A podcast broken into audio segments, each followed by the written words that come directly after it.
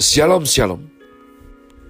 Selamat hari Selasa 14 Juli 2020 Saya Pendeta Kaleb Hofer Bintoro dalam anugerahnya. Penuh sukacita sampaikan pesan Tuhan melalui program Grace Words. Yakni suatu program renungan harian yang disusun dengan disiplin kami doakan dengan setia. Supaya makin dalam kita beroleh pengertian mengenai iman, pengharapan, dan kasih yang terkandung dalam Kristus Yesus Sungguh merupakan kerinduan saya bagi saudara sekalian, agar supaya kasih dan kuasa firman Tuhan setiap hari tidak pernah berhenti menjamah hati, menggarap pola pikir kita, dan paling utama adalah kehidupan kita boleh terbukti sungguh berubah, makin serupa kepada Kristus Yesus. Masih dalam season autumn dengan tema Empower, Chris Word hari ini saya berikan judul kualitas bagian yang ketiga kualitas bagian yang ketiga. Mari kita lanjutkan komitmen membaca kitab suci yang mana sesuai agenda hari ini sudah sampai. Dua Tawarikh pasal yang keempat. Dua Tawarikh pasal yang keempat. Lalu ia membuat mesbah tembaga yang 20 hasta panjangnya dan 20 hasta lebarnya dan 10 hasta tingginya Kemudian dibuatnyalah laut tuangan yang sepuluh hasta dari tepi ke tepi, bundar keliling, lima hasta tingginya, dan yang dapat dililit berkeliling oleh tali yang tiga puluh hasta panjangnya. Di sebelah bawah tepinya ada gambar lembu-lembu yang mengelilinginya sama sekali. Sepuluh dalam sehasta merangkum laut itu berkeliling. Lembu itu dua jajar, dituang setuangan dengan bejana itu. Laut itu menumpang di atas dua belas lembu, tiga menghadap ke utara dan tiga menghadap ke barat, tiga menghadap ke selatan, dan tiga menghadap ke timur. Laut itu menumpang di atasnya, sedang segala buntut lembu itu menuju ke dalam. Tebal laut itu setapak tangan, dan tepinya serupa tepi piala seperti bunga bakung yang berkembang. Laut itu dapat memuat 3000 bat air. Lagi pula dibuatnya 10 bejana pembasuhan dan ditaruhnya lima pada sisi kanan dan lima pada sisi kiri. Sebagai tempat pembasuhan, di situ orang membasuh apa yang diperlukan untuk korban bakaran. Sedang laut itu adalah untuk para imam sebagai tempat membasuh.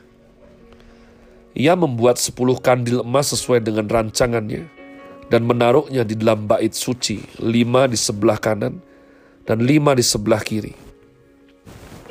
Selanjutnya ia membuat sepuluh meja dan menempatkannya di dalam bait suci, lima di sebelah kanan dan lima di sebelah kiri. Ia membuat pula seratus bokor penyiraman dari emas. Ia membuat juga pelataran para imam, halaman besar dan pintu-pintu halaman itu.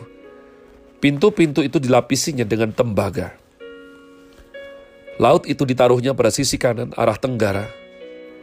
Dan Huram membuat juga kuali-kuali, penyodok-penyodok, dan bokor-bokor penyiraman. Demikianlah Huram menyelesaikan pekerjaan yang harus dilakukannya bagi Raja Salomo di rumah Allah. Yakni kedua tiang dengan kedua bulatan ganja di kepala tiang itu, kedua jala-jala yang menutup kedua bulatan ganja itu, keempat ratus buah delima untuk jala-jala, kedua jala-jala itu, dua jajar buah delima untuk satu jala-jala guna menutupi kedua bulatan ganja yang di atas tiang itu. Juga telah dibuatnya kereta-kereta penopang dan bejana-bejana pembasuhan yang di atas kereta-kereta itu. Laut yang satu itu dan kedua belas lembu di bawahnya. Kuali-kuali penyodok-penyodok garpu-garpu, dan segala perlengkapan lain yang dibuat Huram Abi bagi Raja Salomo untuk rumah Tuhan adalah dari tembaga upaman. Raja menuang semuanya itu di lembah Yordan, di dalam tanah liat antara Sukot dan Zereda. Salomo membuat segala perlengkapan itu dalam jumlah yang amat besar, sehingga berat tembaga itu tidaklah terhitung. Salomo membuat juga segala perlengkapan yang ada di rumah Allah, yakni mesbah dan meja-meja tempat menaruh roti sajian. Lagi pula kandil-kandil dari emas murni dengan pelita-pelitanya untuk dinyalakan di depan ruang belakang sesuai dengan peraturan. Kembang-kembangnya, pelita-pelitanya dan sepit-sepitnya dari emas, semuanya dari emas murni. Pisau-pisaunya, bokor-bokor penyiramannya, cawan-cawannya, dan perbaraan-perbaraannya dari emas murni. Juga pintu masuk rumah itu, dan pintu-pintu yang di sebelah dalam ke tempat maha kudus. Dan pintu-pintu ke ruang besar bait suci. Semuanya dari emas. Umat Tuhan kemarin sudah kita bahas mengenai kualitas. Begitu emas muncul, kita harus mengerti ada kesungguhan hati keseriusan dalam hal tersebut.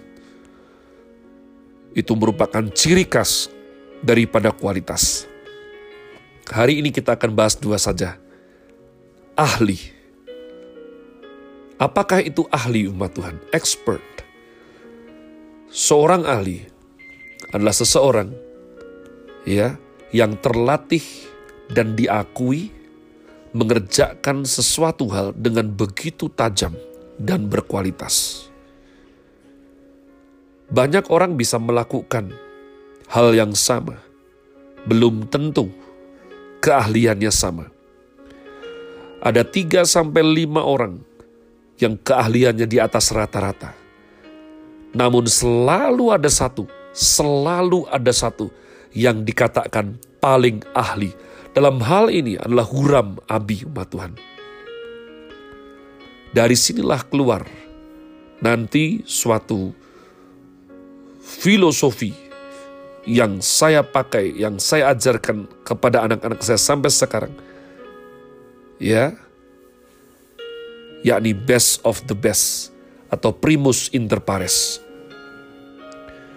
Dari situ, kalau kamu bukan belajar masak, jangan menegur, menekan, mendesak chef yang belajar masak maka hanya berupa nasihat atau masukan.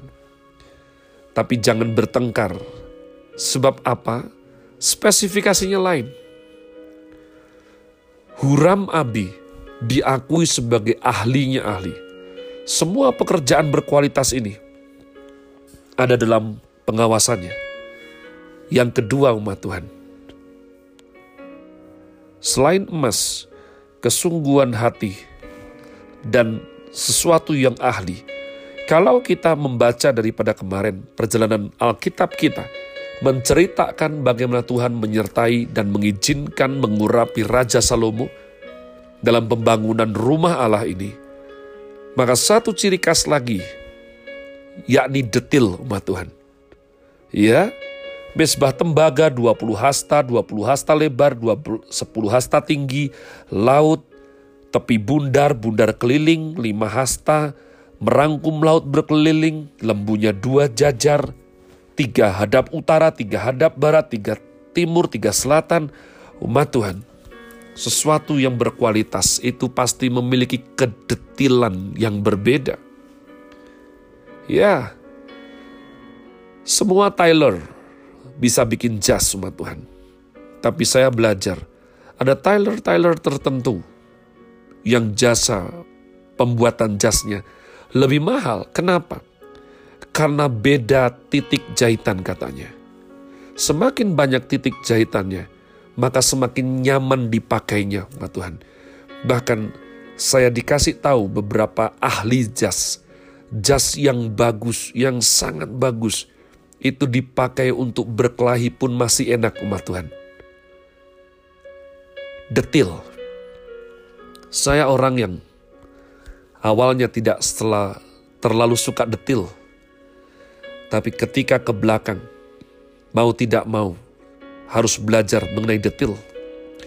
Kalau engkau mendengar seorang pembicara yang khotbahnya itu-itu saja, pasti dia tidak bermain dengan detil.